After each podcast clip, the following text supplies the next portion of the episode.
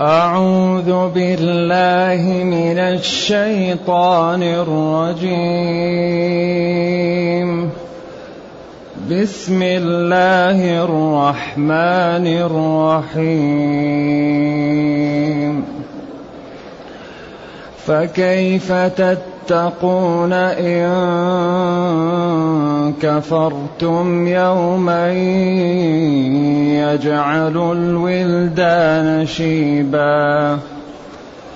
السماء منفطر به. كان وعده مفعولا. إن هذه تذكرة إن هذه تذكرة فمن شاء اتخذ إلى ربه سبيلا.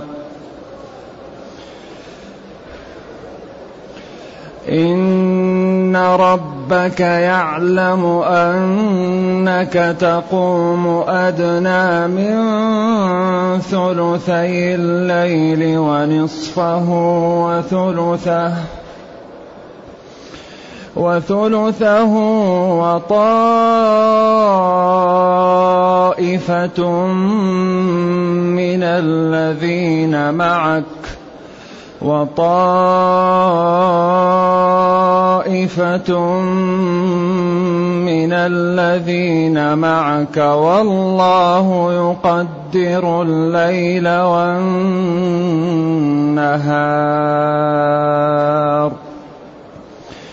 علم أن لن تحصوه فتاب عليكم فاقرؤوا ما تيسر من القرآن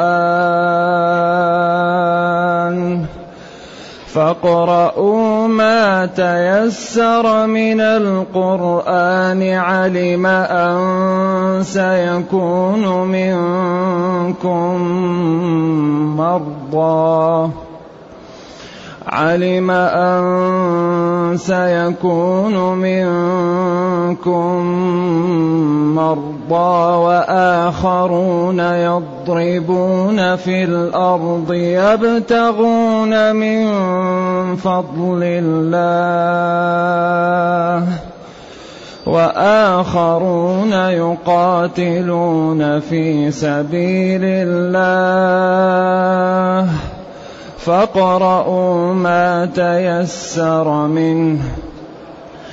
فاقرؤوا ما تيسر منه وأقيموا الصلاة وأقيموا الصلاة وآتوا الزكاة وأقرضوا الله قرضا حسنا. واقرضوا الله قرضا حسنا وما تقدموا لأنفسكم وما تقدموا لأنفسكم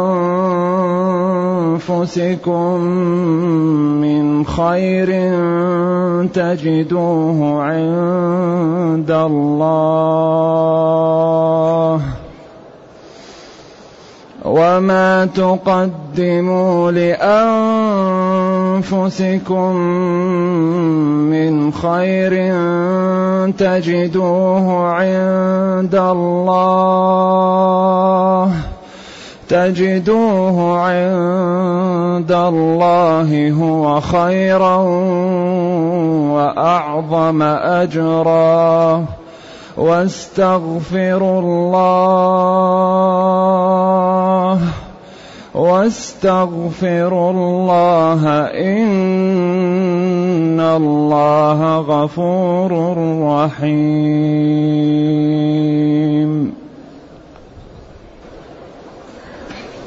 الحمد لله الذي أنزل إلينا أشمل كتاب وأرسل إلينا أفضل الرسل وجعلنا خير أمة أخرجت للناس. فله الحمد وله الشكر على هذه النعم العظيمة والآلاء الجسيمة. والصلاة والسلام على خير خلق الله وعلى آله وأصحابه ومن اهتدى بهداه. أما بعد فإن الله تعالى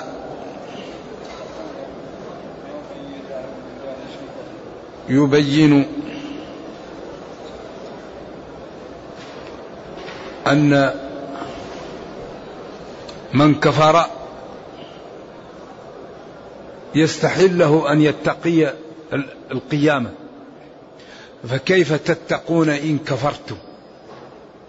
كيف تتقون يوما يجعل الولدان شيبا إن كفرتم؟ ما يمكن تتقون هذا اليوم. ولذلك كف... قدم الكفر. فكيف تتقون إن كفرتم؟ لأن الكفر هذا خطير قدم. إذا كفر الإنسان ليس له وجه للاتقاء. ذلك أول ما يحاول المسلم أن يخلص التوحيد. بعض الناس يقول لك التوحيد واضح. التوحيد واضح لكن الشرك أخفى من دبيبة النمل. النملة السوداء في الليلة الظلماء. كم من إنسان يدخل الرياء والشرك وهو لا يدري فينقص الأجر أو يحبط العمل. لذلك من جاء لا يشرك بالله شيئا دخل الجنة. من قال لا إله إلا الله خالصا من قلبه دخل الجنة. حديث معاذ. ما حق الله على العباد وما حق العباد على الله. لذلك إن كفرتم مشكل هذا. فكيف تتقون تجتنبون؟ يوما يجعل الولدان شيبا إن كفرتم ومتم على الكفر. ما يمكن تتقوه. ذلك هذا يقال لنا ونحن لا زلنا في دار الدنيا ونسمع وعندنا العقول إنها فرصة سانحة. الواحد يتقي الواحد يتوب الواحد يبتعد عن الكفر يبتعد عن الشرك. من الشرك تكون تريد أن تتصدق. في فقير قام معك تريد أن تتصدق عليه فإذا رأيت الناس تزيد. هذا مشكل. أول الصدقة لله لكن هذا الزايد ما هو لله. تريد أن تسجد فإذا رأيت الناس تطيل السجود مشكلة. لذلك الناس لا تنفعك ولا تضرك. الذي يملك لك شيء هو الله. فالعقل يشتغل لمن؟ لمن يملك له النفع والضر. أما واحد يشتغل لمن لا يملك له شيء هذا سفه وخور. إذا ينبغي أن نخلص أعمالنا لربنا لأنه هو القادر هو الكريم هو العليم هو الرحيم هو الجبار هو الذي إذا كفر به عبده استدرجه حتى أوبقه. وكذلك أخذ ربك إذا أخذ القرى وهي ظالمة. إن أخذه أليم شديد. هذا هو الذي يستغل. يصلى له يصام له يتصدق لأجله يخاف منه يحب فيه يبغض فيه. يكون الولاء والبراء لما لأجل شرعه. إذا فكيف تتقون يا كفار قريش ويا من حولهم من المجرمين؟ إن كفرتم بربكم ولم تؤمنوا برسوله يوما. يجعل الولدان شيبا. يوم لهوله ولشدته يصير الطفل أشيب لشدة الهول. ولذلك كثيرا ما يخوف ربنا في كتابه من يوم القيامة. إن زلزلة الساعة شيء عظيم. واتقوا يوما لا تجزي نفس عن نفس شيئا. يوم يفر المرء من أخيه وأمه وأبيه وصاحبته وبنيه وفصيلته. أيوة لكل امرئ منهم يومئذ شأن. فهذا فائدته أننا نخبر به والأمر بأيدينا. الأمر الآن بأيدينا. لكن المشكلة أهل القبور الذين شاهدوا الحقيقة وكفت أيديهم عن العمل. الواحد منهم يتمنى الآن أهل القبور يتمنى واحد يرجع ليقول لا إله إلا الله.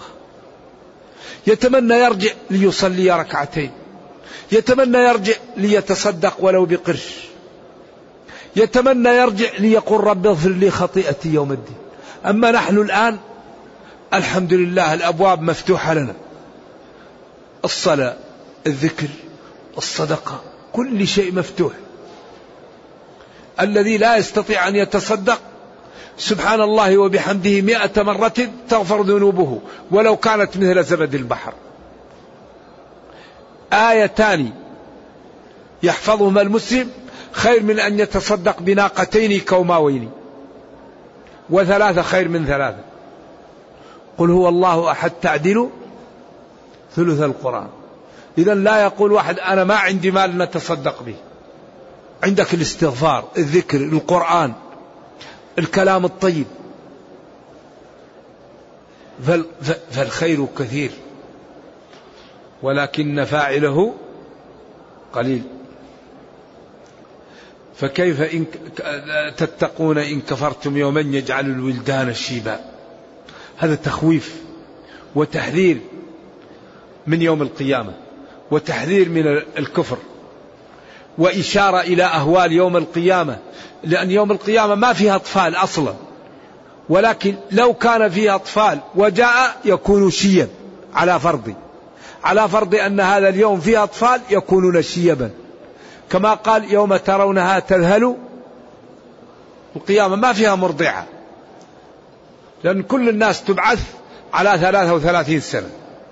لكن لو فرضنا أن في هذا اليوم المرضع تذهل عن إرضاع الصبي الذي وضعت الثدي في فمه. والعادة أن تكون محافظة عليه لكي لا يشرق بالحليب. في هذا الوقت تذهل عنه لخطورة الموقف. ولو كان في حامل لوضعت حملها لشدة الفزع والخوف.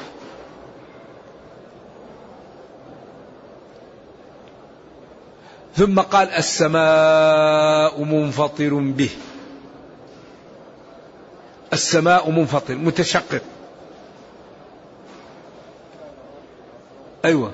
كان وعد الله تعالى واقعا ومنفذا لوجود القيامة ولإعطاء كل ذي حق حقه فالسماوات والأراضين والجبال إذا جاءت يوم القيامة كل شيء يتغير. يوم تبدل الأرض غير الأرض والسماوات. والجبال تكون كالعهن وهو الصوف الملون المنفوش المنفوخ كذا. وكانت كثيب كالرمل.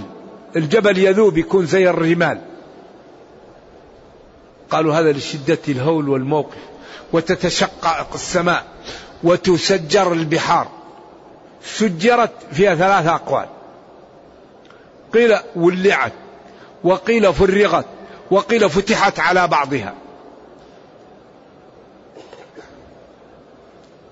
كان وعد الله تعالى مفعولا واقعا منفذا.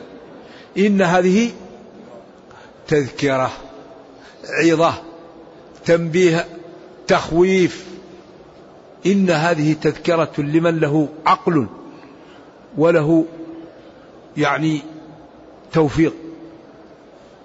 إن هذا الذي بينت لكم ووضحت لكم تذكرة عبره وعظه ونفع لمن رزقه الله الهداية والتوفيق.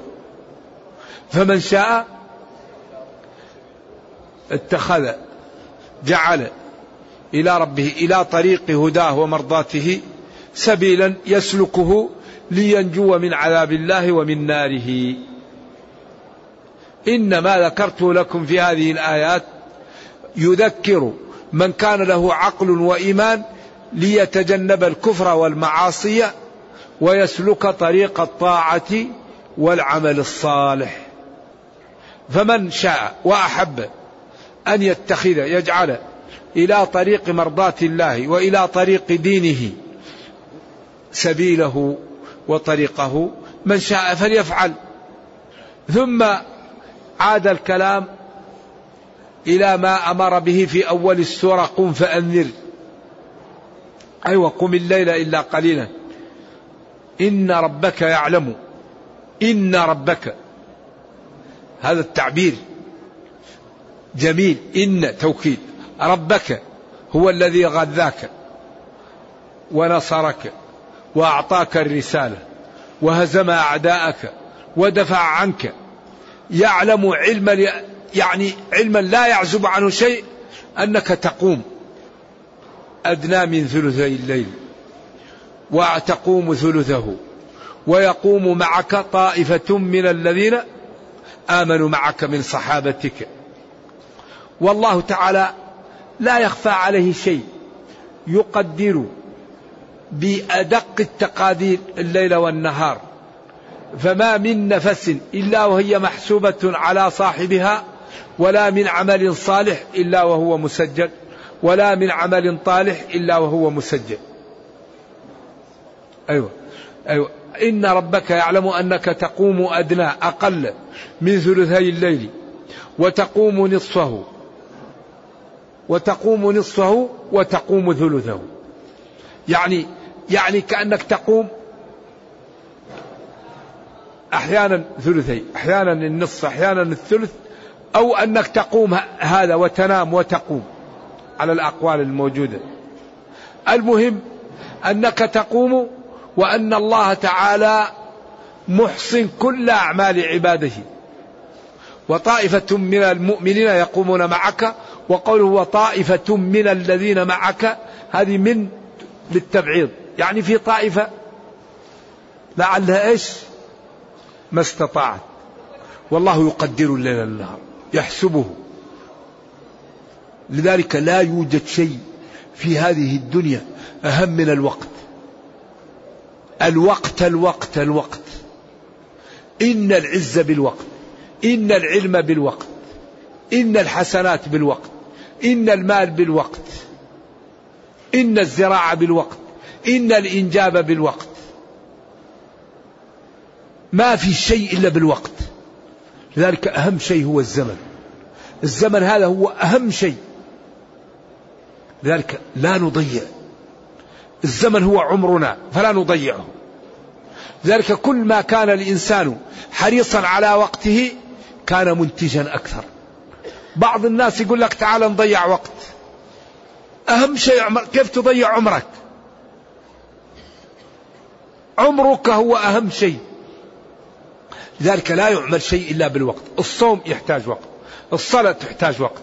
الحج يحتاج وقت. الزراعة تحتاج وقت. العلم يحتاج وقت. إنجاب الأولاد يحتاج وقت. ما في شيء إلا بالوقت. فينبغي أن نحرص على أوقاتنا. وأن لا نضيعها إلا في طاعة الله. فيما ينفعنا في دنيانا أو أخرانا. أما الإنسان العاقل السوي يأخذ الساعات على الساعات ويضيعها بشيء لا يرجع لدينه ولا لدنياه هذا يسمى سفيه. يسمى سفيه. يحجر عليه. لأنه ضيع عز ما عنده وهو وقته وعمره. لذلك المسلم لا يعمل إلا لميعاد أو لمعاش. ما يضيع وقته. علم الرب جل وعلا ضعفكم وعجزكم وأنكم لن تستطيعوا أن تقوموا بهذا. تعدوه وتقوموا به لصعوبته. فخفف عليكم وتاب عليكم ورفع عنكم هذا الوجوب الذي فيه ثقل وعدم الإتيان به يجعل الإنسان عاصيا لله. فرفع عنكم إيش؟ أيوه ورفع عنكم وجوب قيام الليل. فاقرأوا ما تيسر منه. قيل صلي بمئة آية. يكفي. أيوة. اقرأوا ما تيسر من من القرآن. قيل هنا هل المقصود القراءة أو المقصود الصلاة كما قال وقرآن الفجر؟ إن قرآن الفجر أي صلاة الفجر يشهدها ملائكتين الليل والنهار كان مشهودا. فقد يكون يعني المقصود اقرأوا ما تيسر من القرآن يعني صلوا بما تيسر أو أن الإنسان يقرأ يصلي من غير وجوب ولكن بقية قيام الليل هو أفضل النافلة. أفضل النافلة قيام الليل في الليل. إن ناشئة الليل شد وطن. بعدين بين السبب الذي خفف عن المسلمين في رفع وجوب قيام الليل. قال علم أن لن تحصوه ثم قال علم أن منكم مرضى. وآخرون يضربون في الأرض يبتغون من فضل الله وآخرون يقاتلون في سبيل الله. إذا يصعب عليكم عده ثم إن شرائح من المسلمين تكون يكون مريض. فإذا أراد أن يقوم صعب عليه القيام. وشرائح تكون يعني تكدح لرزقها. والكدح للرزق هذا أجر عظيم. أيوة الإنسان يجمع المال ليعف به نفسه أو زوجه أو ولده هذا أجر عظيم هذا مجاهد هذا أجر عظيم. لأن الإسلام لا يريد المسلم يكون عالة الإسلام يريد المسلم أن يكون غنيا عفيفا عزيزا. والاحتياج إلى الناس ذل والمسلم لا يكون ذليلا. إلا إذا اضطر وابتلي لكن يحاول أن يكون المسلم عنده ما به يساعد الآخرين. المؤمن القوي خير وأحب إلى الله من المؤمن الضعيف وفي كل خير. فالمسلم يحاول أنه دائما يكون هو الذي يقوم على الآخرين. والله كريم. وما أردت منه أعطاك إياه. إذا يكون منكم مرضى.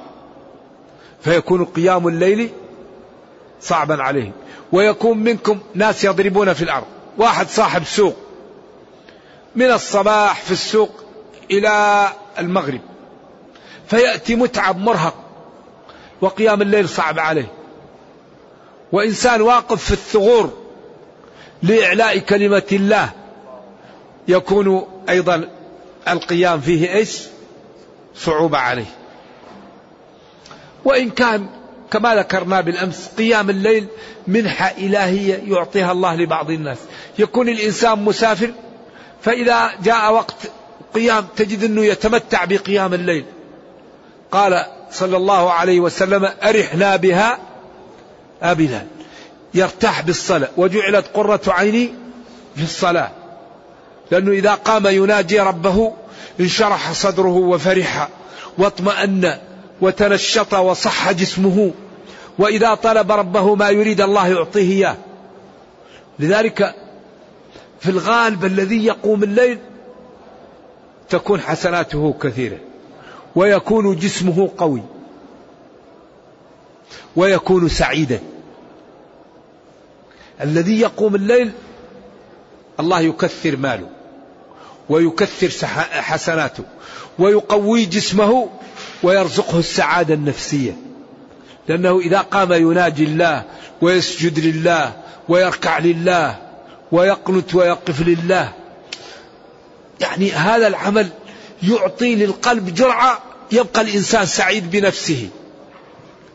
إذا كان مؤمنا ثم إن الله تعالى لا يضيع أجر من أحسن عملا. فيكافئه بالغنى ويكافئه بصحة البدن ويكافئه بكثرة الحسنات.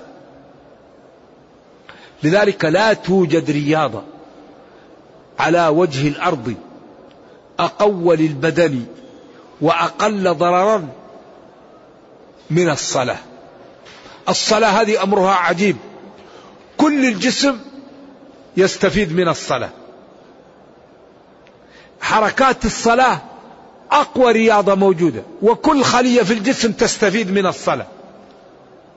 ولا تكسر عين تفقع عين ولا تكسر سن. وبعدين تجعل رصيدك من الحسنات كبير. ما في مثل الصلاة. لذلك قال فإذا فرغت فانصب. تقف. بعدين تركع. بعدين تسجد على سبع أعضاء.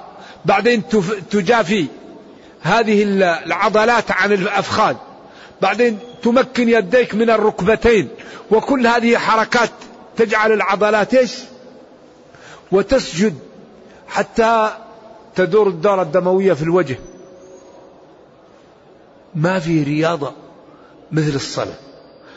ولا تضر وتكثر الحسنات وتقوي البدن وترضي الرب وسبب في الغنى وأمر أهلك بالصلاة واصطبر عليها. لا نسألك رزقا نحن نرزق الله يرزقك. قالوا أكبر أسباب الرزق المداومة على الصلاة. فاقرأوا ما تيسر منه. أعادها. بعدين أتى بجرع أقيموا الصلاة. لاحظوا أن في القرآن ما فيه أدوا الصلاة أقيموا الصلاة يقيمون الصلاة وفي الحديث ما أقاموا الصلاة لأن كلمة إقامة فيها شروط وأركان وواجبات وسنن وأنداب. لأن إقامة الشيء الإتيان به كاملا أما الذي ينقرها ما صلى. الرجل الذي صلى وجاء قال له ارجع فصلي فإنك لم تصلي. ارجع فصلي فإن قال والذي بعثك بالحق لا أحسن غير هذا. قال إذا قمت إلى الصلاة فاسبغ الوضوء ثم استقبل القبلة ثم كبر ثم اقرأ بما معك من القرآن ثم اركع حتى تطمئن راكعا ثم ارفع حتى تعتدل قائما ثم اسجد حتى تطمئن ساجدا ثم ارفع حتى تطمئن جالسا ثم افعل ذلك في صلاتك كلها. فأصبحت الأركان مأخوذة من هذا الحديث. إذا وأقيموا الصلاة وآتوا الزكاة. يقال هاتان قرينتان. الصلاة قرينتها الزكاة. وأبو بكر لما منع بعض أهل الجزيرة الزكاة قال والله لا أفرق بين من ترك الصلاة ومن منع الزكاة والله قرنهما.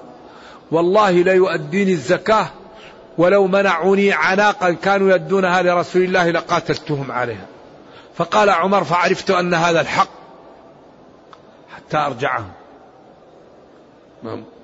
لكن الزكاة من منعها غير جاحد لوجوبها لم يكفر. وبعض العلماء قال من ترك الصلاة ولم يكن جاحدا لوجوبها كفر. لأن الصلاة وردت فيها نصوص كثيرة على أن من تركها فقد كفر. العهد الذي بيننا وبينهم الصلاة فمن تركها فقد كفر.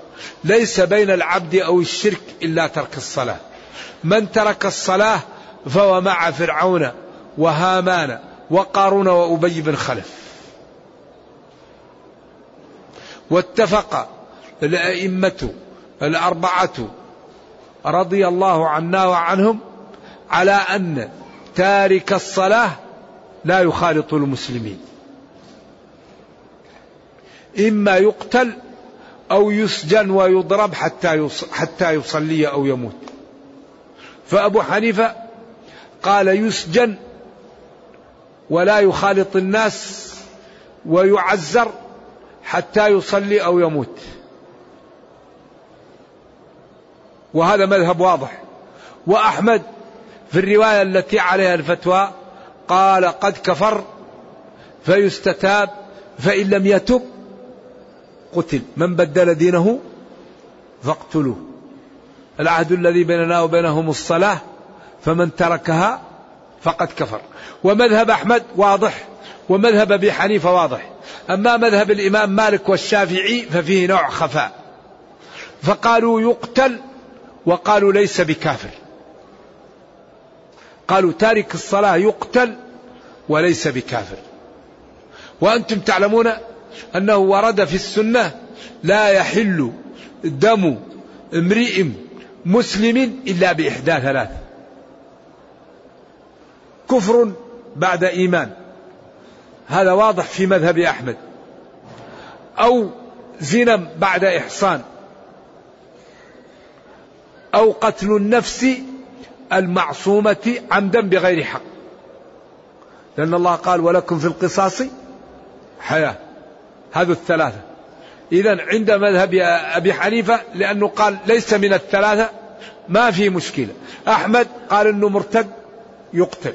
طيب مالك والشافعي قالوا يقتل حدا لا كفرا. يستتاب فإن لم يتب يقتل حدا.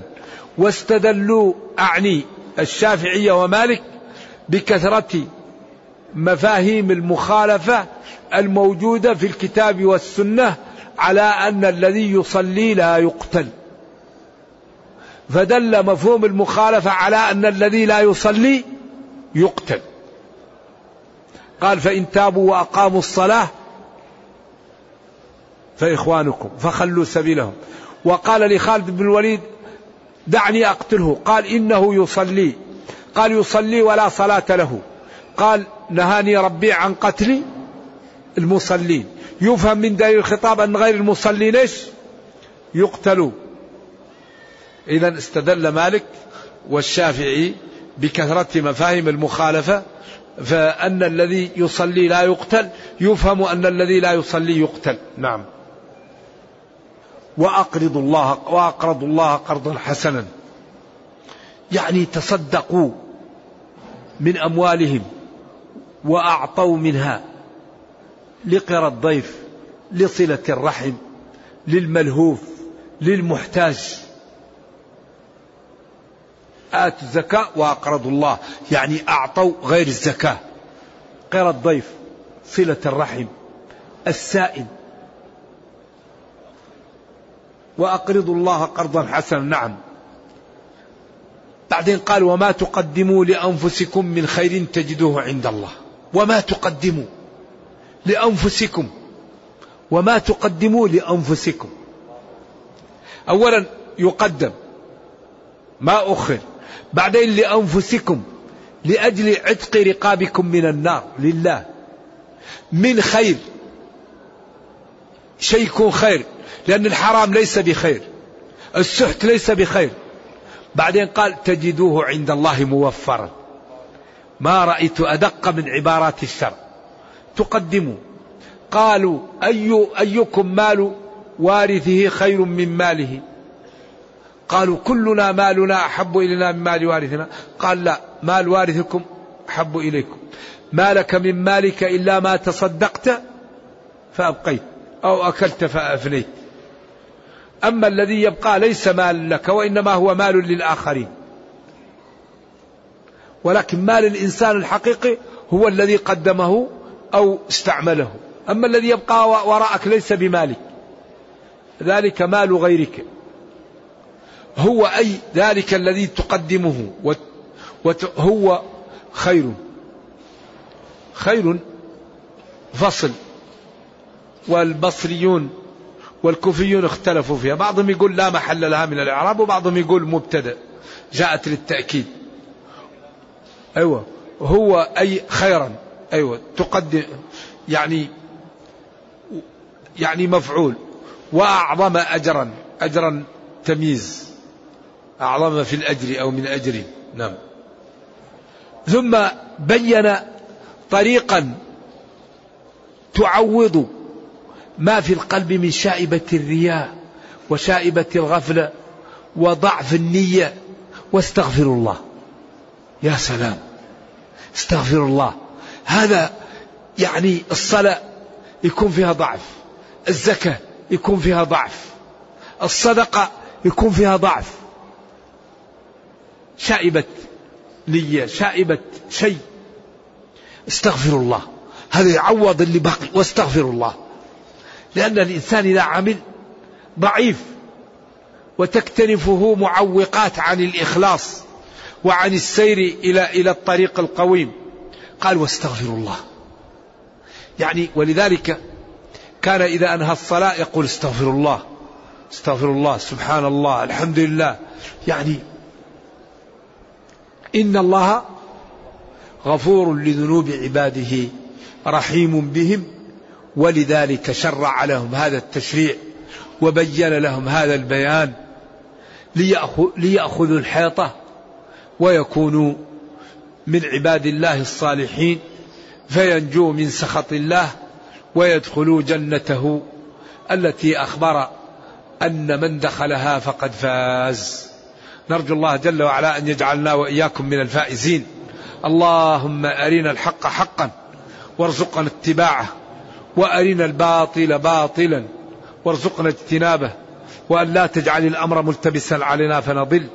اللهم ربنا أتنا في الدنيا حسنة وفي الآخرة حسنة وقنا عذاب النار. اللهم اختم بالسعادة آجالنا واقرم بالعافية غدونا وآصالنا واجعل إلى جنتك مصيرنا ومآلنا. سبحان ربك رب العزة عما يصفون سلام على المرسلين. الحمد لله رب العالمين. وصلى الله وسلم وبارك على نبينا محمد وعلى آله وصحبه والسلام عليكم ورحمة الله وبركاته.